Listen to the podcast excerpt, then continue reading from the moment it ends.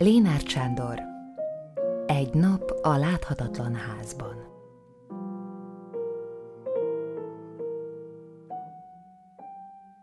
Második rész. Délután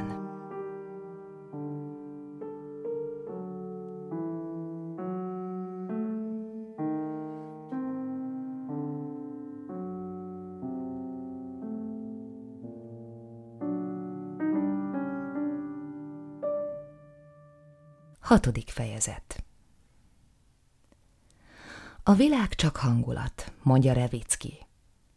Az, aki csak prózát ír, a mindennapi szavakat mindennapi módon sorakoztatja, csak igazolhatja, így van. A reggelből délnek szálló délelőtt hangulata valóságszerű, a közeli dolgok szerint igazodik. A délelőtt a szükséges, az elintézendő dolgoké, a feladatoké, a hangyáké, a páfrányé, a kerté. A délután az álmodhozó éjbe fordul. Minden perccel közeledik a sötétséghez, amelyben még a kézzel tapintható dolgok is eltűnnek. A rövidülő árnyak ideje a tetteké. A nyúló, majd végtelenbe ugró árnyak órái mindinkább az érzelmeké. A tervek óráit a csillagban nézés idején az álmok órái váltják. A világ csak hangulat. Délelőtt minden más. A délelőtt a kenyéré, a délután a kalácsé. A délelőtt az ásóé, kapáé, a délután a tollé. A délelőttöt könnyű megosztani. A délutánt jobb azoknak fenntartani, akik közelebb állnak hozzánk. Az estét mindig csak avval szabadna töltenünk, akit szeretünk. A délelőtt lehet a zajé is. A délután legyen a zenéjé. A délutánnak kell minket arra tanítania, hogy a sötétbe fordulás nem tragédia. A délután a nap jobbik része. Lehet, hogy ez csak az érzi így, akinek a fiatalságát iskola nyomorította. Az az intézmény, amely ülni kényszeríti azt, aki szaladni szeretne. Idegen nyelvet ver annak a fejébe, akinek már úgyis van egy édes anyanyelve, képmutatásra neveli a gondolkozókat, jó osztályzatot ad a törtetőnek.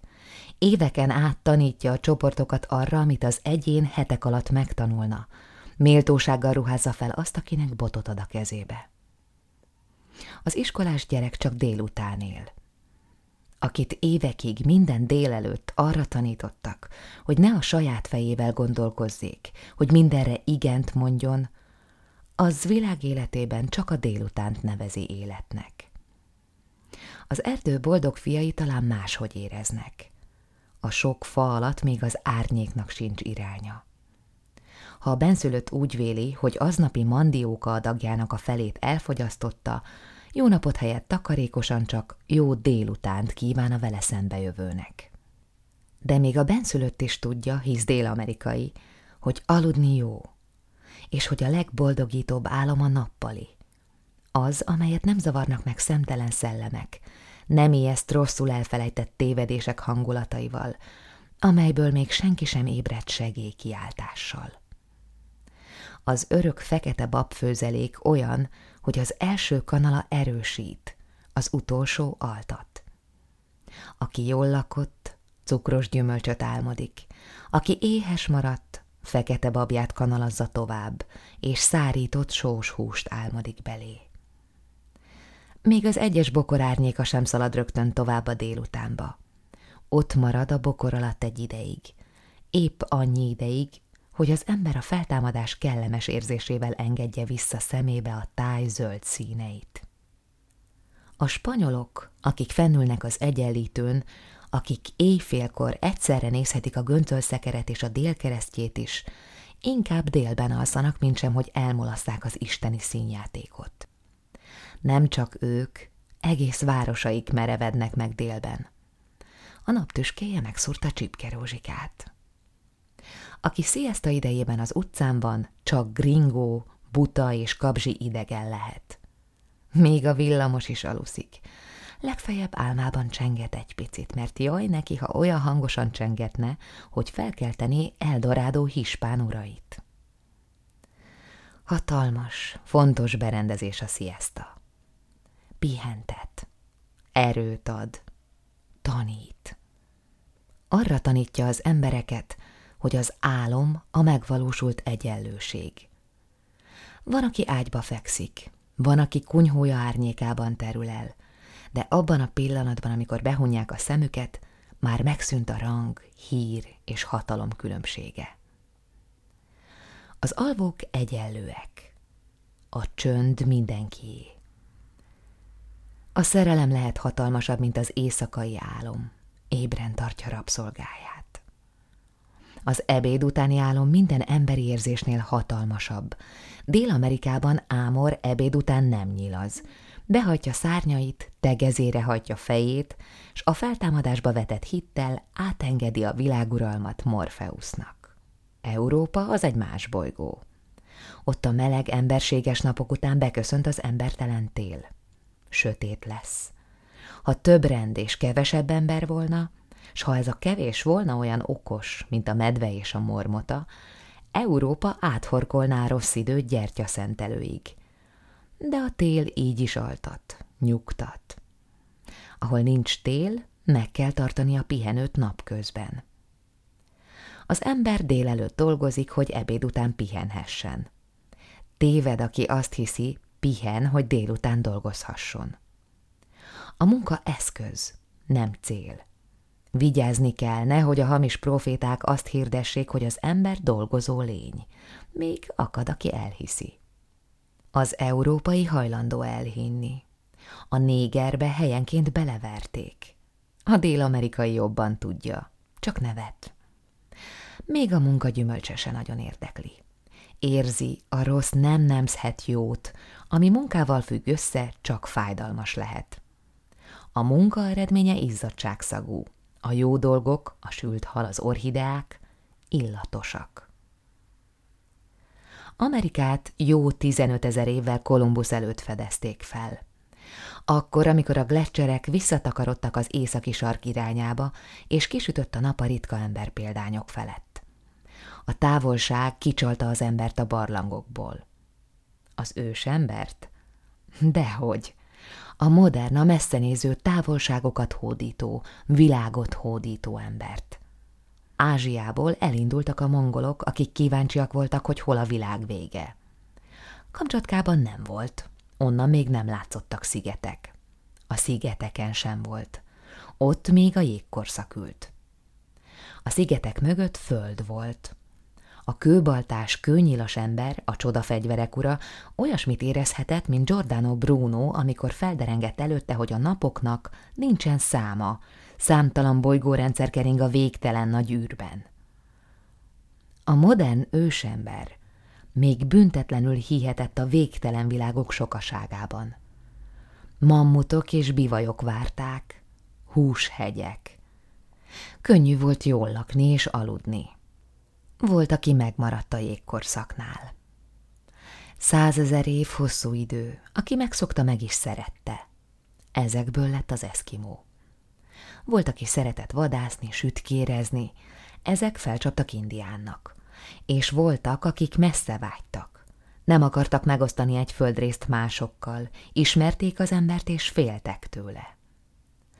Ezek levonultak az egyenlítő felé, kőbaltával új ösvényt vágtak a végtelen rengetegen keresztül, felfedezték a kukoricát, s megmaradtak Mexikóban. Ott tisztelték a kukoricát öntöző esőistent. Mindig volt, aki sokalta a munkát, a kukoricatördelést, a hántást, s ment tovább. Távol a bivajoktól Peruban krumpli termett. Ott is meg lehetett állni de a világ vége még messze volt. A tűzföldig szabad volt az út, a brazil erdőkben, folyókban akadt az éjségnek orvossága. Az ember még ritka állatfaj volt. Jól lakott. Tizenöt ezer év. A mamutok kihaltak, nyelvek születtek. A kőnyíls, a kőbalta titka nem veszett el. A Béringszoros és a Képhorn között 15 ezer évig élt, szeretett, vadászott, pihent az ember, de nem dolgozott. Minden napja új volt. A világa jó. Nem akarta megjavítani. Ezeknek jöttek a spanyolok magyarázni, mit parancsolt oda át Mózes, mire kellett a megváltó, és hogy izzadva dolgozzanak, mert egy régi kéziraton ilyesmi van megírva. Szegény spanyolok hiába prédikáltak. Az indió meghalt, de nem dolgozott. Az isteni dolgokról talán kevesebbet tudott, de az emberiekről többet. Ezért kellett négereket vásárolni, saját királyai árulták őket, vagy vadászni, ami körülményesebb volt. A néger, ha verték, dolgozott. Végül mégsem a parancsolók győztek, sőt, rabszolgáik sem. Az győzött, amit jobb kifejezés hiány génius lokinak nevezhetnénk, a nem dolgozás szelleme.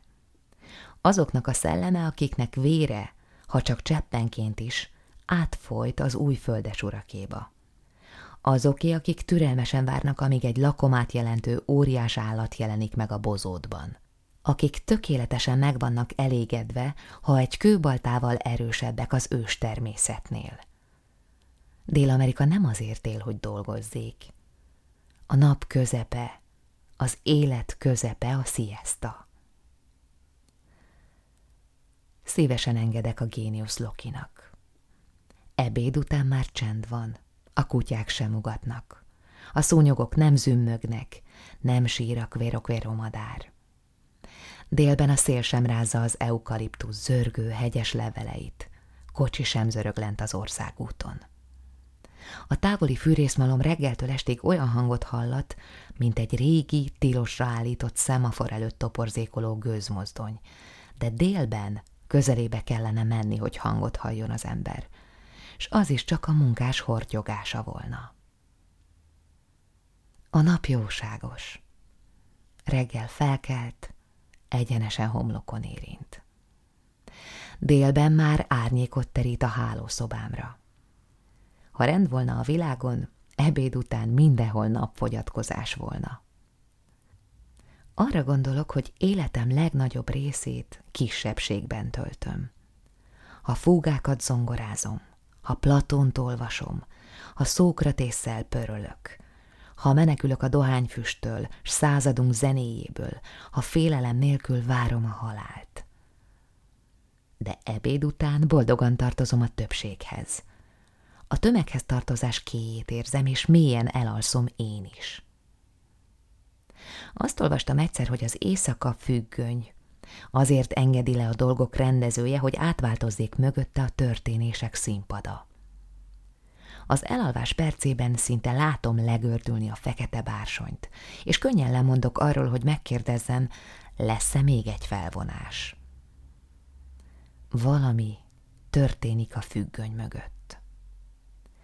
Ha a titokzatos kellékes nem is tologatja a díszleteket, a fák mind a helyükön maradnak, de minden átszíneződött. Több az arany, kevesebb az ezüst, melegebbek a vörösök, fáradtabbak a sárgák. A meredek hegyoldalak színt cserélnek. A délelőtt világos zöldek a függöny alatt elkomorulnak. Talán ha egyszer sikerülne ébren maradnom, meglesném a függöny mögötti átváltozást. Ezzel úgy járok, mint gyermekkoromban, mikor este az emberkére vártam, aki homokot hint az álmos kisfiúk szemébe. Ha figyeltem, nem jött, ha elaludtam, nem láttam. A költők is így járnak verseikkel. Ha önkívületben róják a sorokat, nem veszik észre, hogy születik a vers. Ha figyelik a szavak sorakozását, megállnak. Ma már az anyagismerői, a fizikusok is tudják. A megfigyelhető mögött ott a megfigyelhetetlen. A világok végén mindenütt van egy fekete bársony függöny. A délután a távoli dolgoké, rokona a vasárnapnak. A délelőtt a kézzelfogható kérdéseket oldja meg, a délután az eljövendőkön gondolkozik. Az este nyúl a régmúlt után, az étöri a fejét a megmásíthatatlan megmásításán, s úgy adja át a helyzeteket az álomnak, mint ahogy meg kellett volna történniük. A délelőtt végighordja az iskola nyomasztó emlékét, a délután végigvárja az uzsonnát, a kalácsot. A délutánok hangja halkabb. A lótuszevők országáról írta egy költő, a hely, ahol örök a délután. Tudom, vannak lótusz nélküli, délután nélküli országok is. Vannak szögletes barlangok, amelyekben a kint elvonuló alakoknak csak árnyéka vetődik a falra. Sok ember élet játszódik le a betonhegyek belsejében olyan súly alatt, hogy ott csak a fáraók múmiája érezné jól magát. A kerék betört napoknak nincs délutánja. Én is szegény ember vagyok. Telemet ellopták, őszöm nem igazi aranyleveles, vörös leveles ősz, de délutánjaim megvannak. Csendjük a zenét várja. Óráikkal erősödik a honvágy, és ennek a távoli vagy régmúlt dolgok iránti vágyódással kevert válfaja, melyre a portugál hajósoknak és gályaraboknak volt szava, saudade. Ki ne tudná, vannak délelőtti és délutáni betegségek. Leendő anyák a reggeli rosszul léttől félnek, gümőkörös fiatalok az esti láztól. Az én betegeimet legtöbbször a sötétedő éjszaka küldi, akkor szorul pánt a repedező szívek köré. A saudade délutáni betegség. Ködös vasárnap délutánokon mutatja meggyőzően bénító erejét. A gyógyszerek leghatásosabbja az idő nem fogja. A délután arról is meggyőz, hogy a legjobb hely sem óva honvágy álnok rohamaitól. Akkor a legerősebbek, amikor a nap is gyorsít.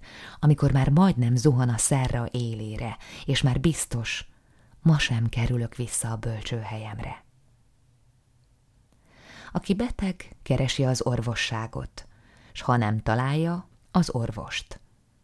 Akit elfog a vágy, olvassa a távolról jött újságokat, írja a messze induló leveleket, s csukott szemmel kíséri őket a repülőterekre, a felhők feletti jéghidegbe, a cenzorokhoz és postásokhoz, a levélnyitó késig, a levelet fogó kézig. Néha a kézre gondolva a levelet író kéz erei is melegre tágulnak, s enged a szívet szorító marok. Levelet írni ritka és ünnepélyes szertartás amit az irodák és hivatalok gyártanak, és négyszögletű borítékba zárnak, az nem levél. Nem elég átzökkenni a közelség délelőttjéből a távolság délutánjába. A kertől az íróasztalig is nagyon hosszú az út. Félelmetes vállalkozás egy jelképekkel telerajzolt papírlapot, azzal az érzéssel továbbítani, hogy egy távoli embernek meg lesz a kulcsa, hogy ugyanúgy ejti a betűket, ahogy én azt fél évszázadnál régebben tanultam, s ugyanazt érti a szavak alatt. A szavaknak is van délelőttjük, amikor jelentésük világos. Délutánjuk átvitt értelemben, és végül őket is sötétbe burkolja az este úgy, hogy csak az archeológus lámpája világít bele. Mielőtt írnék, előszedem a néha érkező újságokat. Rajtuk keresztül nézek a szerra mögötti világba. Régi lapok. Több naposak, ha közelről jönnek, több hónaposak, ha Észak-Amerikából. Kis ellenzéki lapokat kapok onnan, s szívesen olvasom őket, gondolván, hogy tanulságosabb az igazat későn olvasni, mint a hazugságokat frissen. Ami távolról jön, az mindig a múlt. A csillagok is azt sugározzák, ami évekkel ezelőtt történt.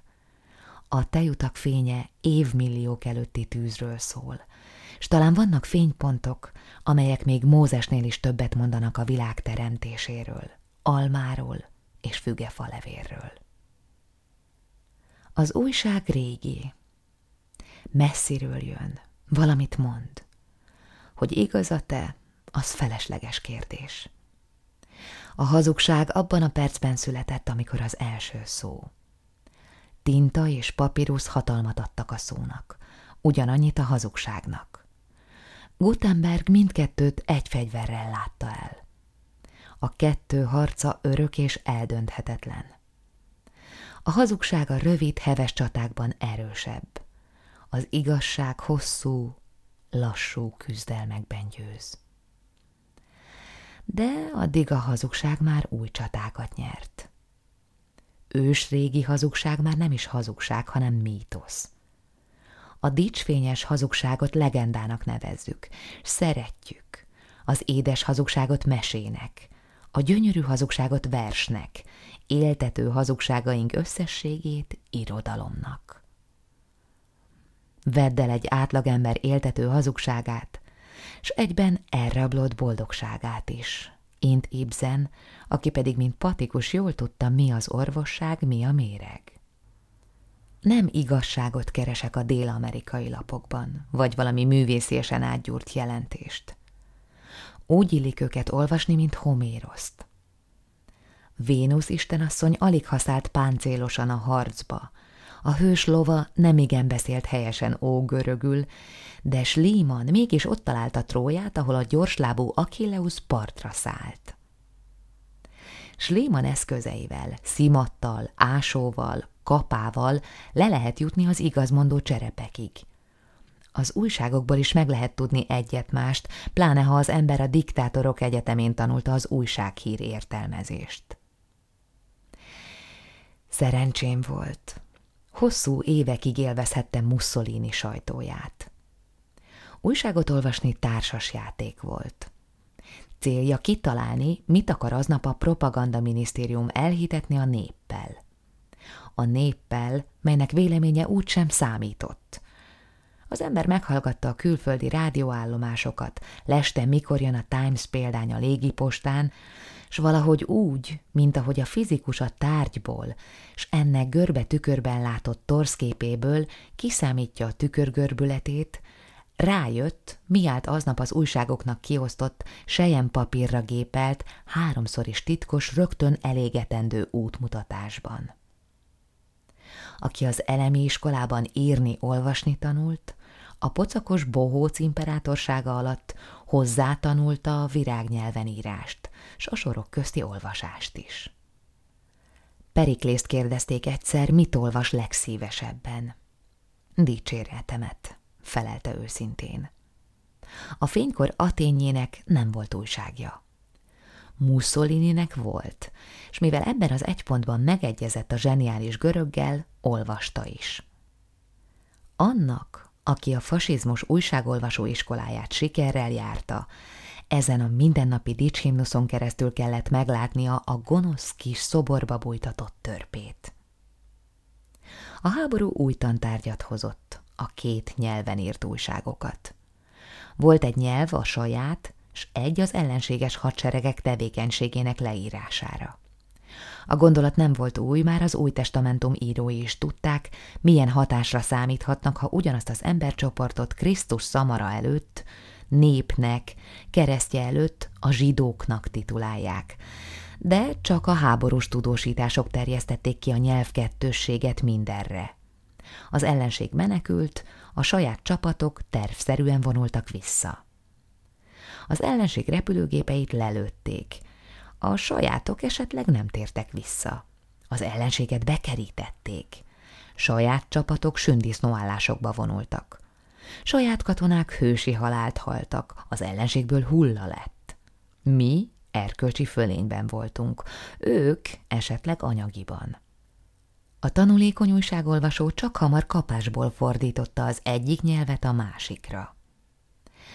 Más, de nem kevésbé tanulságos tanfolyam volt a svájci újságok olvasása.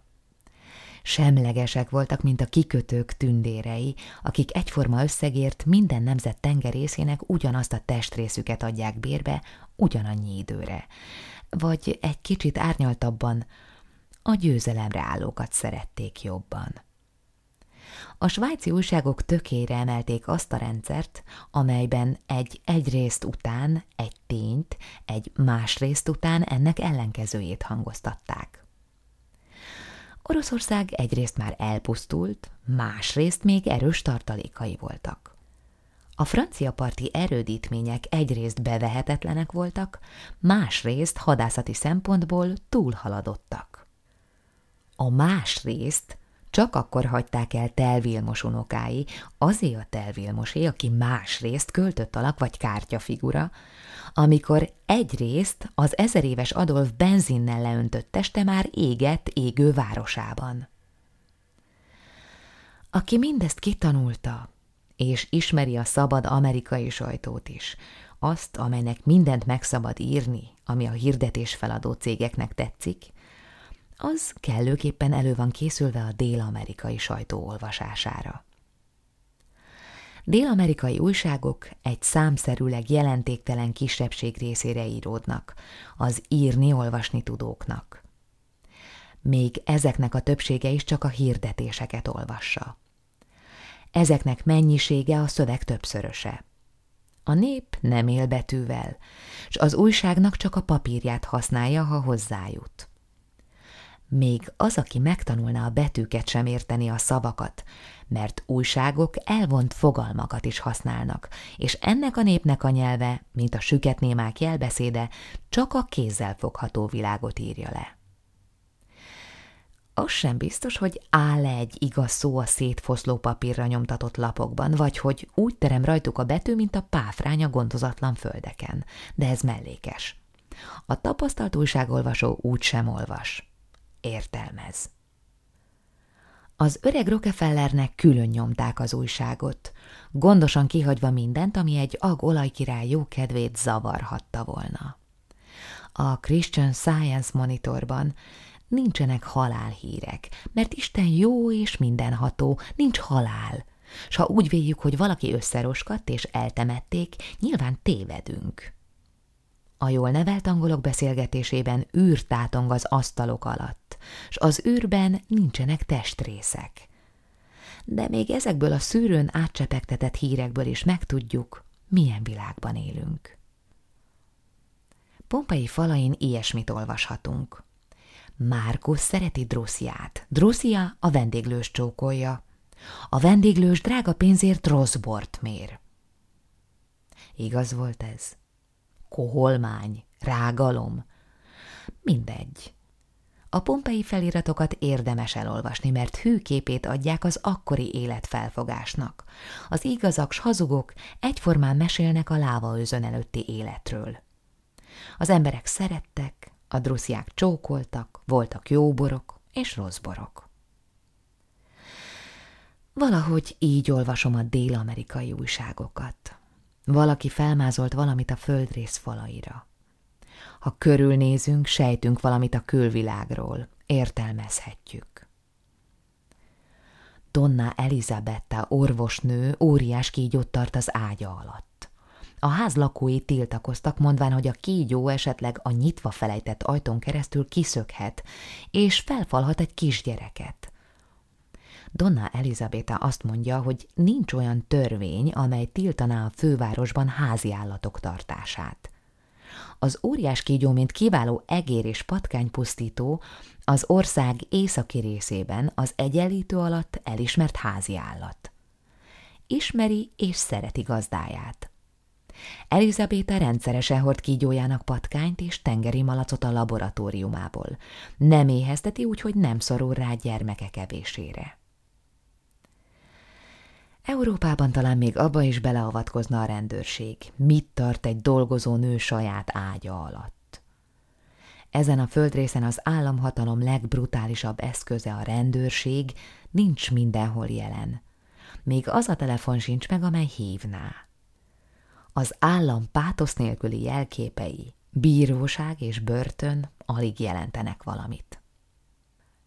Caravanicio de Bacuso, 50 éves magánzó, vasárnap délután a tengerpart közelében padon ült, és tranzisztoros rádióján zenét hallgatott. Odalépett hozzá egy fiatalember, és udvariasan megkérte, kapcsoljon át a Reménytátó klub futballmeccs közvetítésére. Caravanicio erre nem volt hajlandó. A fiatalember, látva, hogy az öreg csökönyös, háromszor belelőtt, aztán továbbment.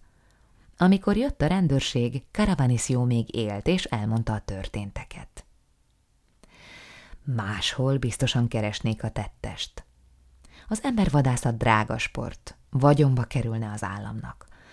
és aztán a rendőrsebb bolond, hogy szerény fizetéséért hajszoljon valakit, aki talán nála is gyorsabban lő. Talán elfognák. Tárgyalás, tanúk, ügyész, ügyvéd, bírák.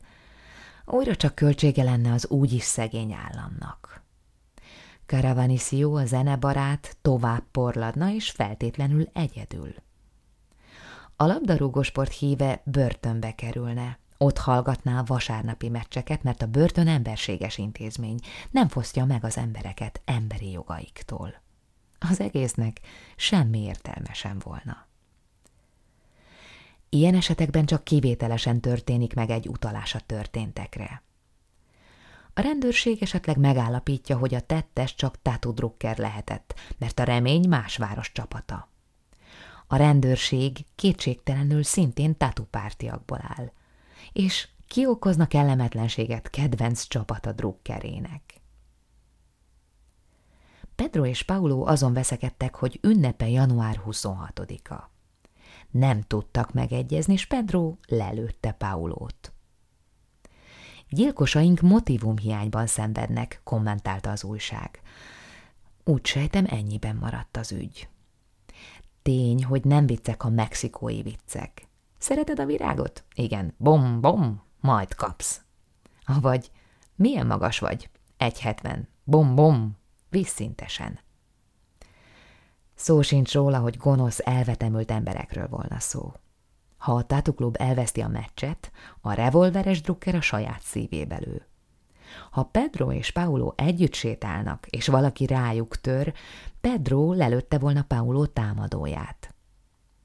A fehér európaiba évszázadok bitója derese nevelte bele a gátlásokat, legalább a béke esetére. De a béke Európában komolytalan közjáték. Komoly esetben, im Ernstfall, mondják a poroszok, Európában is kapásból lő a homo sapiens. Az asszonyok itt sem járnak pisztolyjal, de ők sem kukoricáznak. Kókusz Manuel négy gyermekes családaba a munkából hazatérve négy sötétbőrű kisasszonyt pillantott meg a Szent Kukufáciusz templom mögötti sötét utca sarkán. Abban a meggyőződésben, hogy ezekkel jó lesz tréfálni, tréfált is. De viccei egyáltalán nem voltak jók, sőt, a kisasszonyok négyesben nyakon csípték, és amikor rugdalozott, az egyik leharapta a jobb fülét, s a kezébe nyomta. Manuel fülével a kezében kitépte magát, és rohanni kezdett. A kisasszonyok talán azzal a szándékkal, hogy a másik fülét is leharapják, utána. Csak mikor Manuel vadul kiabálva egy őrszoba közelébe ért, fordultak meg. A rendőrök bekötözték a fülehelyét, és figyelmeztették, hogy máskor ne kezdjen ki a Szent Kukufációs templom mögötti nőkkel.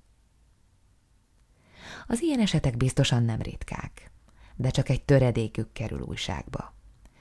A rendőrség nem foglalkozhat a törvénynek nevezett játékszabály minden megsértésével, az újság csak várhatja, hogy a véletlen értesítse a véletlen szülte költő tollára való epizóddal. Talán épp a vendéglőben ült a riporter, amikor ez történt. Egy vendég hosszú ideig hiába bajlódott cipőtalpszerű bífszekével. Oda hívta a pincért, villával az orrába szúrt, és így szólt. Kíváncsi voltam a kettő közül, melyik a keményebb. Végül ez jellegzetes. Az ügyek az államhatalom beavatkozása nélkül intéződnek el. Nem tudom, olvasták-e a benszülöttek Ezopusz meséjét a békákról, akik királyt akartak, de annyit tudnak, hogy mindenki jobban jár, ha a feledés és nem a bíró ítélkezik. A rendőr biztosítsa a boldogságot? A rendőr a hatalom szolgája. A hatalmasok ritkán jóságosak. S hány büntettet követnek el máshol, mert a rendőrség keresi a bűnöst, s a menekülő bűnösnek tovább kell gyilkolnia, hogy ne legyen tanú hányan pusztulnak el, mert tisztázni akarták, kiölte meg Kennedy elnököt. Most már a tanúk gyilkosainak kell tovább gyilkolniuk. A rendőrségnek különben is semmi szüksége arra, hogy azokra vadásszon, akik kevesebb gátlást örököltek. Minden a világon igazságtalanul van elosztva. Megél a rendőrség abból is, hogy a bordélyokat és a játékkaszinókat zsarolja, mondhatnánk védi s néha elcsípnek egy egész pénzhamisító műhelyt. Az volt szép. Lecsukták az egész társaságot gépeikkel együtt. A dutyiban dolgoztak tovább, és a rendőrök, fegyőrök szaladgáltak a városban az ezer maravédis bankokkal.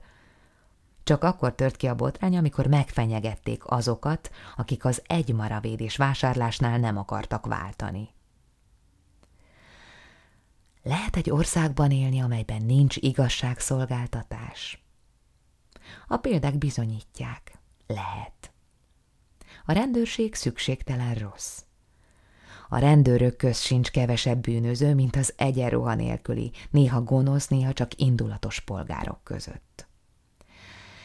És ha történetesen elfognák a tatudrukkert vagy a jófogú dámát, a börtönök ősrégiek, nincs hely.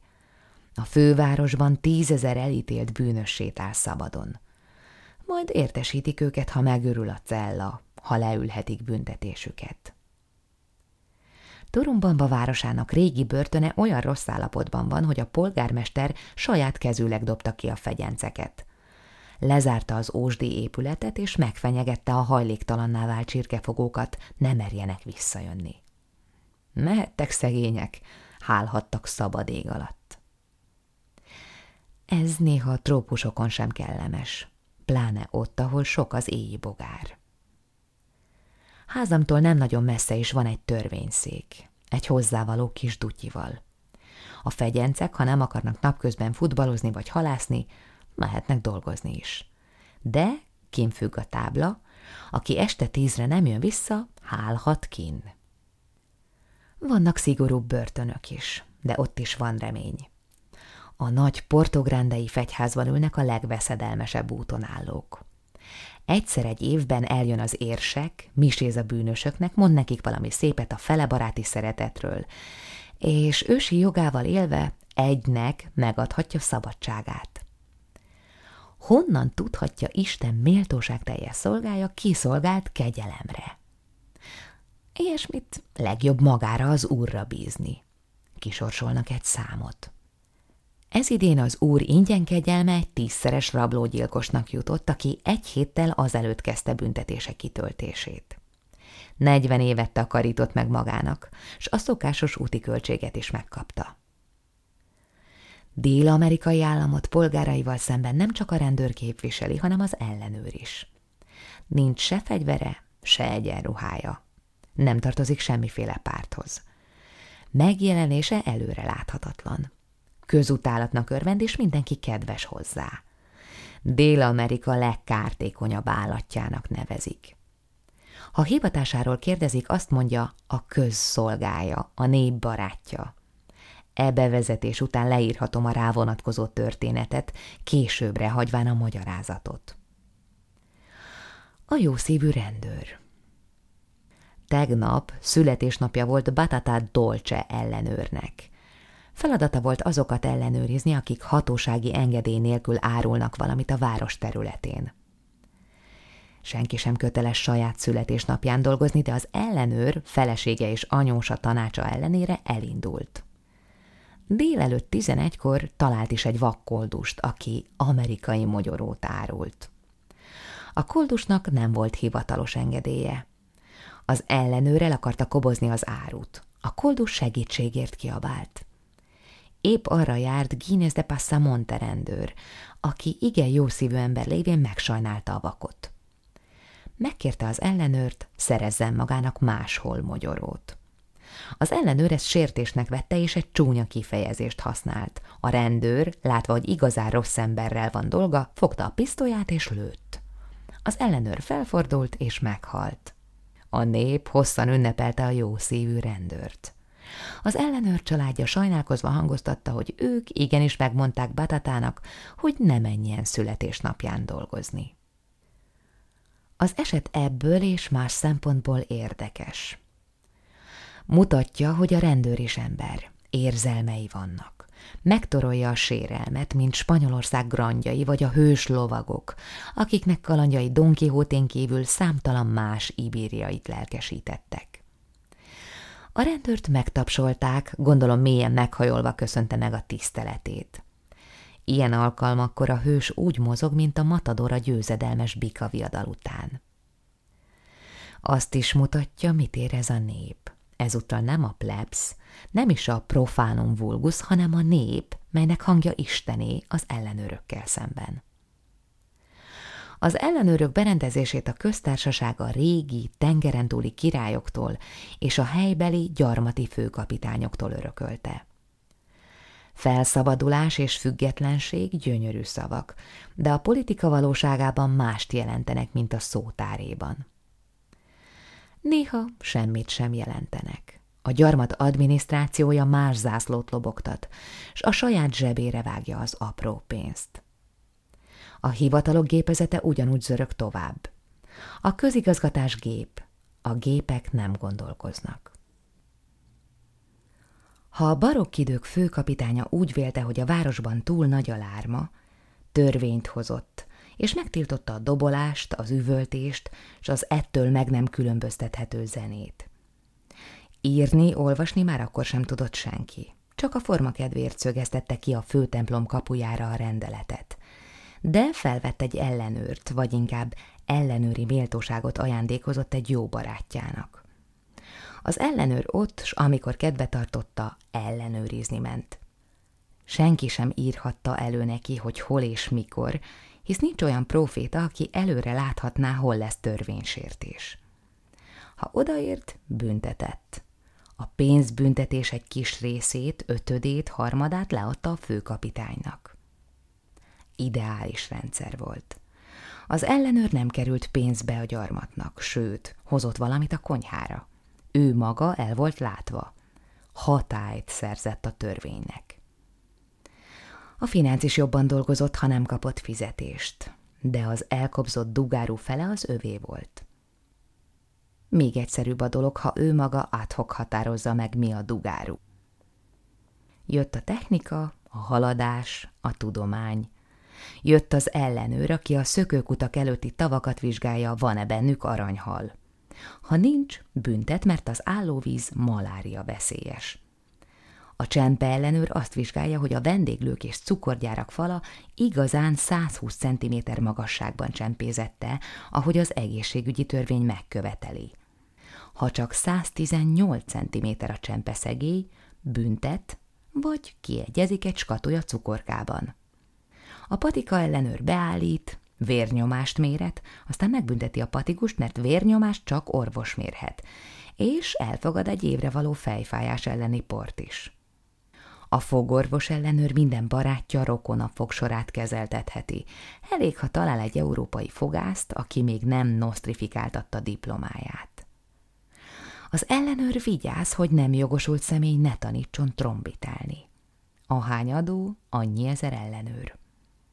Ha a földbirtokos kihasználja a munkását, a középosztályt az ellenőr szipolyozza.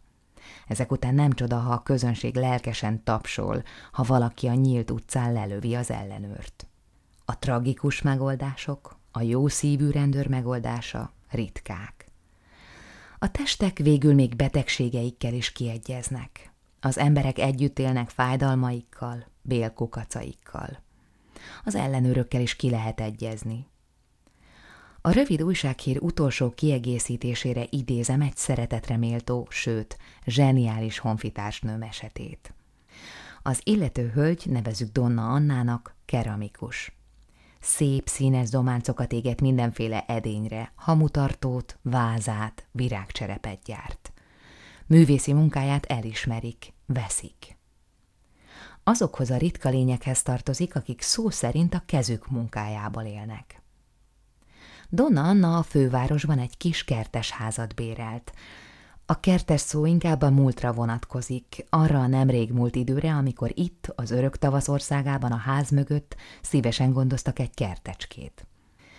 A kert megadta az éltető maroknyi virágot az ebédlőasztalra, adott egy-egy fej salátát a sülcsirkéhez, türelmes embernek két-három hatalmas banánfürtöt is adott egy évben. A mai ember plastikvirága örök, főzelékes katójában terem. Életet célja az ide-oda mászkálás. Így a kertekből garázsok lettek, vagy kavics homok került a kert helyére, és sápat kisgyerekek totyognak rajta, mint a napraéhes fegyencek a börtönudvaron. Donna Anna a kert helyén, ahol már a gazt is régen kitaposták, rendezte be kis műhelyét. Egy ferde tető alatt gyúrta az anyagot. Kemencéjében cipók helyett kávéscsészék sorakoztak. Csendes hely lett, jó volt ott dolgozni. Egy szép nap beállít egy benszülött úriember és bemutatkozik. Ellenőr vagyok. Mit óhajt ellenőrizni? Megjegyzem, könyvelésemet X úr végzi. Múlt héten volt nála az adóellenőr. Építészeti ellenőr vagyok. Ez a ház harminc éve épült. Messziről látni. Ma még kisebbeket építenek, de magát feljelentették. Ipari üzemet létesített ebben a lakónegyedben. Mit létesítettem? Minden tudok. Kerámiai iparvállalatot, gyárat, termel, pedig jól tudja, hogy ez lakónegyedben szigorúan tilos. A lakónegyedek peremén már lehet patika, pék, szatócs, sőt, műhely is, ha csak hárman dolgoznak benne. A sarkon, a Szent Jeromos utca sarkán már dolgozhatna, de itt nem. Asszonyom, ön 300 méterrel lépte túl a törvény határait. És most mit akar? Szenyóra, én a jog és a törvény embere vagyok. Lebontatom a törvénysértő kemencéjét. Holnap reggel ide küldök négy erős feketét, szétszedik. Annánk nem esett kétségbe. Már évek óta itt élt. Ami az erős feketét illeti, átlátta a helyzetet. Engedje meg, hogy meghívjam egy feketére. Talán nem tudja, én vagyok Donna Anna. A benszülött nem mond nemet, ha egy hölgy hívja feketére. Nagyon köszönöm. Hosszé vagyok. Tisztelem a törvényt. Át fogok költözni egy más városnegyedbe, csak adjon egy kis időt, szenyor Hosszé. Számítok jóságára. Dél-amerikai kadettekben napóleonok, civilekben lovagok élnek. A lovag kávézás közben támad fel bennük. Asszonyom, bízhat barát érzelmeimben. Ami személyes érzelmeimet illeti, a kölcsönös segítség álláspontján állok. Mennyivel segíthetném? 500 maravédivel. Nyílt férfias kijelentés volt. Barátok közt kávézás közben beszél az ember ilyen nyíltan. 500 nem az az összeg, amit egy igazi zsaroló kért volna. Az ellenőröknek fix fizetése is van. A zsarolás és a védelem közt van egy nehezen meghatározható középút, s Hosszé megtalálta. Donna Anna átnyújtotta a pénzt. Majd keresek egy más lakást. Az Isten szerelmére ne siessen, és sose feledje el, hogy van egy őszinte barátja, mindig számíthat rám. Hosszé, a hű barát pontosan hat hónap múlva megjelent. Csak utána akartam nézni, elköltözötte már. Egy feketét? Nagyon szépen köszönöm. Ezúttal semmi szükség sem volt óvatos beszélgetésre. Tessék az ötszáz. Számíthat rám továbbra is. Hosszé hat hónaponként ment kávézni. Közben haladt az infláció is, de Hosszé a lovag állta a szavát. 500 és pont. Csak panaszkodott a drágaságra, az egyre nehezebb életre, míg Donna Anna egy virágvázával, hamutartóval meg nem vigasztalta, vagy nem adta oda neki a csészét is, amelyből a kávét itta. Egyszer csak elmaradt a törvény és igazság embere. Nélküle múltak a hetek, míg nem egyszerre egy idegen úriember állított be. Építészeti ellenőr vagyok. Donna Anna nem ijedt meg. Megállapodásom van Szenyor Hosszéval. Szenyor Hosszéval? Ó, hát még nem tudja a gyászhírt. Meghalt. Szegény Hosszé, hű barátom volt. Isten adjon lelkének örök nyugalmat. Hogy történt? Mindent elmesélek. Ne féljen, asszonyom, itt nincs titok, és az adott szó erősebb, mint a halál. Hogy érti ezt? Kérdezte Donna Anna. Szegény jó hozé, feküdt, gyenge volt, tudta, mi vár rá. Magához hívta rokonait, barátait, kollégáit, mindenkitől elbúcsúzott. Mindenkire hagyott valamit. Az ellenőr meghatódott, aztán újra felemelte a hangját. Tisztelt asszonyom, Donna Anna, én önt örököltem. Barátnőnk a végrendelet értelmében átnyújtotta az 500 maravédit. Ha lecsapom az újságot, és könyörtelenül lecsapom, ha a jelen háború kétségbeesése üvölt rám, ha a készülő háború veti árnyékát egy szemtelen cikkre, úgy érzem magam, mint az, aki templomból vagy moziból az utcára lép. A valóságok köz szörnyű űrök tátongnak. Hérakleitos tévedett, amikor azt mondta, hogy az álmodóknak külön világaik vannak, de az ébren levők világa közös. Nem közös. Vagy talán nincsenek ébren. A mozit néző izgul, remeg valamin, ami az utca valóságából nézve fények és árnyak tánca egy darab vásznon. A templom kövén térdeplőnek a valósága a síron túli paradicsom. A síron inneni megpróbáltatás. Az ember csak statiszta az angyalok és ördögök csatájában. Az utcán már nem érvényesek az örök törvények. Ott nem Ádám unokája jár, hanem Pitekántropuszé. A városi újságolvasó azt hiszi, a valóságban él, a valóságról olvas. Annak, aki növények társaságában él, a félretett újság csak annyi, mint üres mozivászon, melyen az imént a jók felkoncolták a rosszakat. A jóságos rendőr és az előzékeny ellenőr egy nem egészen igazi színjátéknak alakjai. Törvényük, igazságuk. Törvény az, hogy a magból növény lesz, a növény virágot hajt, a virág maggá hervad.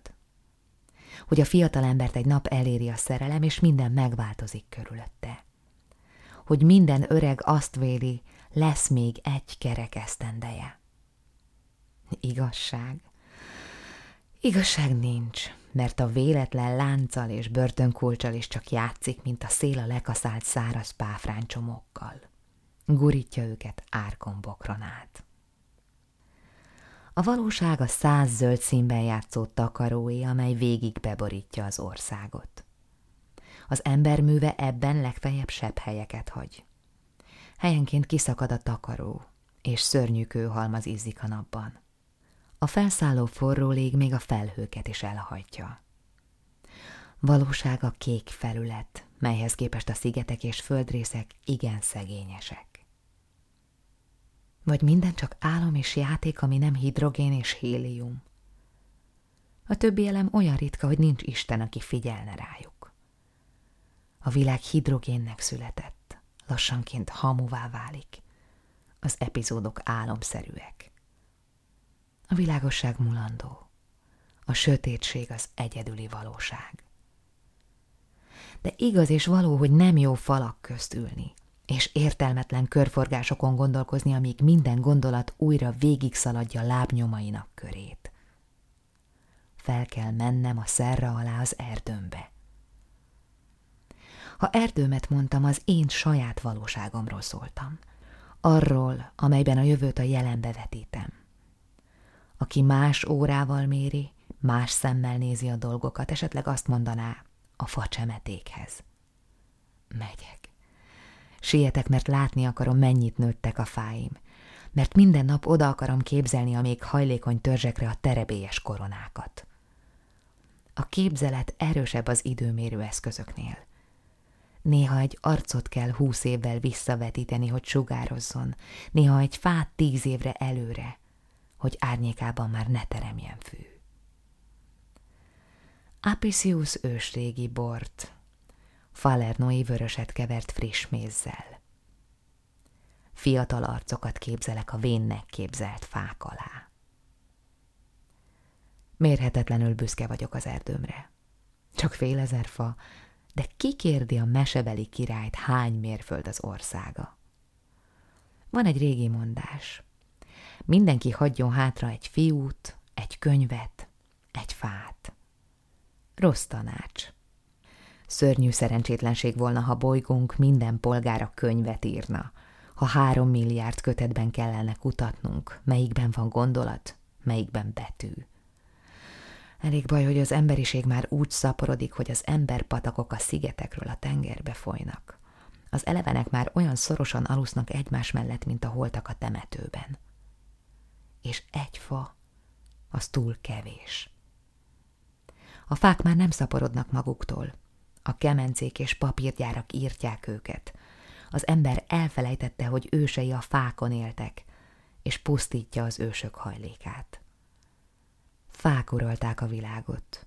Az ember hadat üzent nekik, azon van, hogy ő uralja. De nem érdemes élni egy fák nélküli világban. Az ember nem élhet csak emberek között. Szüksége van a fák társadalmára. Földet, áldott termőföldet csak a fák gyártanak neki. Nap ellen, eső ellen csak a lombok védik. Leghívebb barátunk a fa. Jól teszi, aki fából farag magának védőszentet, s imádkozik hozzá. Ki nem érzi az erdőben, hogy ott él igazán, hogy az emberi társadalmon túl ott van az élőlények közössége, s hogy ehhez minden faj is hozzátartozik. Mi elevenek, oly kevesen vagyunk az űrben, hogy a matematikának nincs elég kicsi száma, a fizikának elég finom mérlege, hogy megmérje. Össze kell fognunk, fákat kell ültetnünk. Délután van. A délután a távol levő dolgok ideje. Van, hogy a gondolat irány téveszt, a múltba száll. Nem. Ahhoz a nemzedékhez tartozom, amelynek nem szabad emlékeznie. Akkor élt, amikor az ember lemondott Sapiensi címéről. A mi gondolataink csak a jövőben övő fákat kísérhetik az ég irányába. Tűlevelő fákat ültettem. Csílei, római, észak-amerikai píniákat – nem egyenruhás erdőre gondoltam, hanem sokárnyalatúra, olyanra, amelyben a fák mindig susognak, mert van cserélni való gondolatuk, olyanra, amelyben az erdő szellemei, a driádok megértenek, mert egyszerre ismerték meg a számüzetés keserveit és a gyökéreresztés örömét. Sorstársaimnak érzem a fákat, ami több, mintha fiaim volnának. Fiainknak saját sorsuk van – és van a nemzedékek közt egy félvezető anyag, amely az egyik irányba csak a jó, a másikba csak a rossz érzelmeket engedi át. Egy veszélyt rejt az erdő. Az erdőm, ha ott leheveredhetem, vagy ha nekidülök egy fának büszkén, hogy már bírja súlyomat, elfog egy máskor idegen halálfélelem. Csak akkor akarok meghalni, ha a fák koronái már érintik egymást ha alattuk délben is hűvös a levegő, nedves a föld. És még egyet. Semmi kedvem visszamenni a házba, írni vagy dolgozni. Egyszerre megértem az indiót. Az erdő nem tűri a munkát. Az ember rájön, amit tehet, nem fontos. Fontos, hogy a fák nőjenek. Akkor elhervad a páfrány, anélkül, hogy gyomlálnák. A kismadarak elvetik a málnát, az Amerikából jött fák alatt terjed a gomba, minden magától történik. Az ember csak nézi, hogy fonják a láthatatlan kezek a látható indafonalakat, hogy szövik a lombtetőt, hogy indulnak az orhideák, broméliák a színek világa felé. Figyeli, mikor húzódnak be az édes illatok a fák alatti bozódba, mikor reked az a világ, amelyről az újságok még tudnak egyet mást. Most még fel lehet nézni a fák közt. Még csak úgy emelgetik ágaikat, mint a repülni vágyó madárfiókák szárnyukat a fészekben. Még látni, hogy keringenek odafenn a dökkesejük. Feketék, mint ahogy az gyászmadarakhoz illik. Közelről már a fiatalok is vének, keserűek, undorítóak. A római erkölcsvédő liga elnöke gubbasztott ilyen arckifejezéssel a folyóiratok felett, ha feljelenteni valót keresett. Levegőben gyönyörűek. Külön világok vannak. A hattyúból szárazon liba lesz, a dökkesejűből a felhő közt fekete albatrosz. Ő is széttárt szárnyakkal alszik a levegőben. Sohasem csap le, mint a vadászok, ragadozók. A tetemek várnak. Ha leszáll, a szelek lejtőjén siklik. Ritkán száll le. Ha alva repül, repül étlen szomjan is, mint a felhők. A külön világok néha összefolynak. Volt egyszer úgy, hogy a kesejükről az újságban is szó esett. Évekkel ezelőtt a tábornokok rájöttek, hogy az országnak nincs lökhajtásos vadászgépe. Megrémültek. Mi lesz, ha az ellenség bombázói megjelennek a főváros felett? Mint a bősz varázsló képe Don Quixote fejében, úgy kísért az ellenség a tábornokok portás sapkája alatt. Az állampénztárban nem volt pénz. Ezt egy más varázsló csoport teszi láthatatlanná, amint befolyik. Így az ország egy teljes évi gyapott termését becserélték 70 darab, máshol épp kiselejtezett vadászgépre. Ilyesmit szívesen adnak el, még azt a tábornokot is készpénzben fizetik, aki megveszi. Az első három gépet kipakolták, az idegen instruktorok felszálltak, végigvillantak a főváros egén, és egyenesen neki szaladtak a dökkesejük rajának. Úgy, ahogy még leszálltak sérült gépeikkel. Utánuk a benszülött pilóták is kipakoltak három gépet. Most már ők felröppentek. Csak percekig maradtak fenn. Aztán a halára sebzett dökkesejüket megelőzve zuhantak a városra. A többi gépet már ki sem csomagolták. Minek is. Az ellenség bombavetői a főváros fölé merészkednek, ott várja őket az ország bús hada, az alva is, éhesen is őrködő keselyű sereg. Nehezen válok meg az erdőtől. Minden ága fogva tart. Egyszer még egy lépéssel hátrább vonulok. Az erdőben fogom felépíteni a kisebb konyhót. Az öreg ember látóköre szűkül, kisebb élettérrel is beéri. Összehúzza maga körül a kerítést, mint hűvös időben a kabátot. Megvárom, hogy a fák nőjenek egy kicsit, hogy zsugorodjak még egy kicsit. Aztán csak nőjön be a rengeteg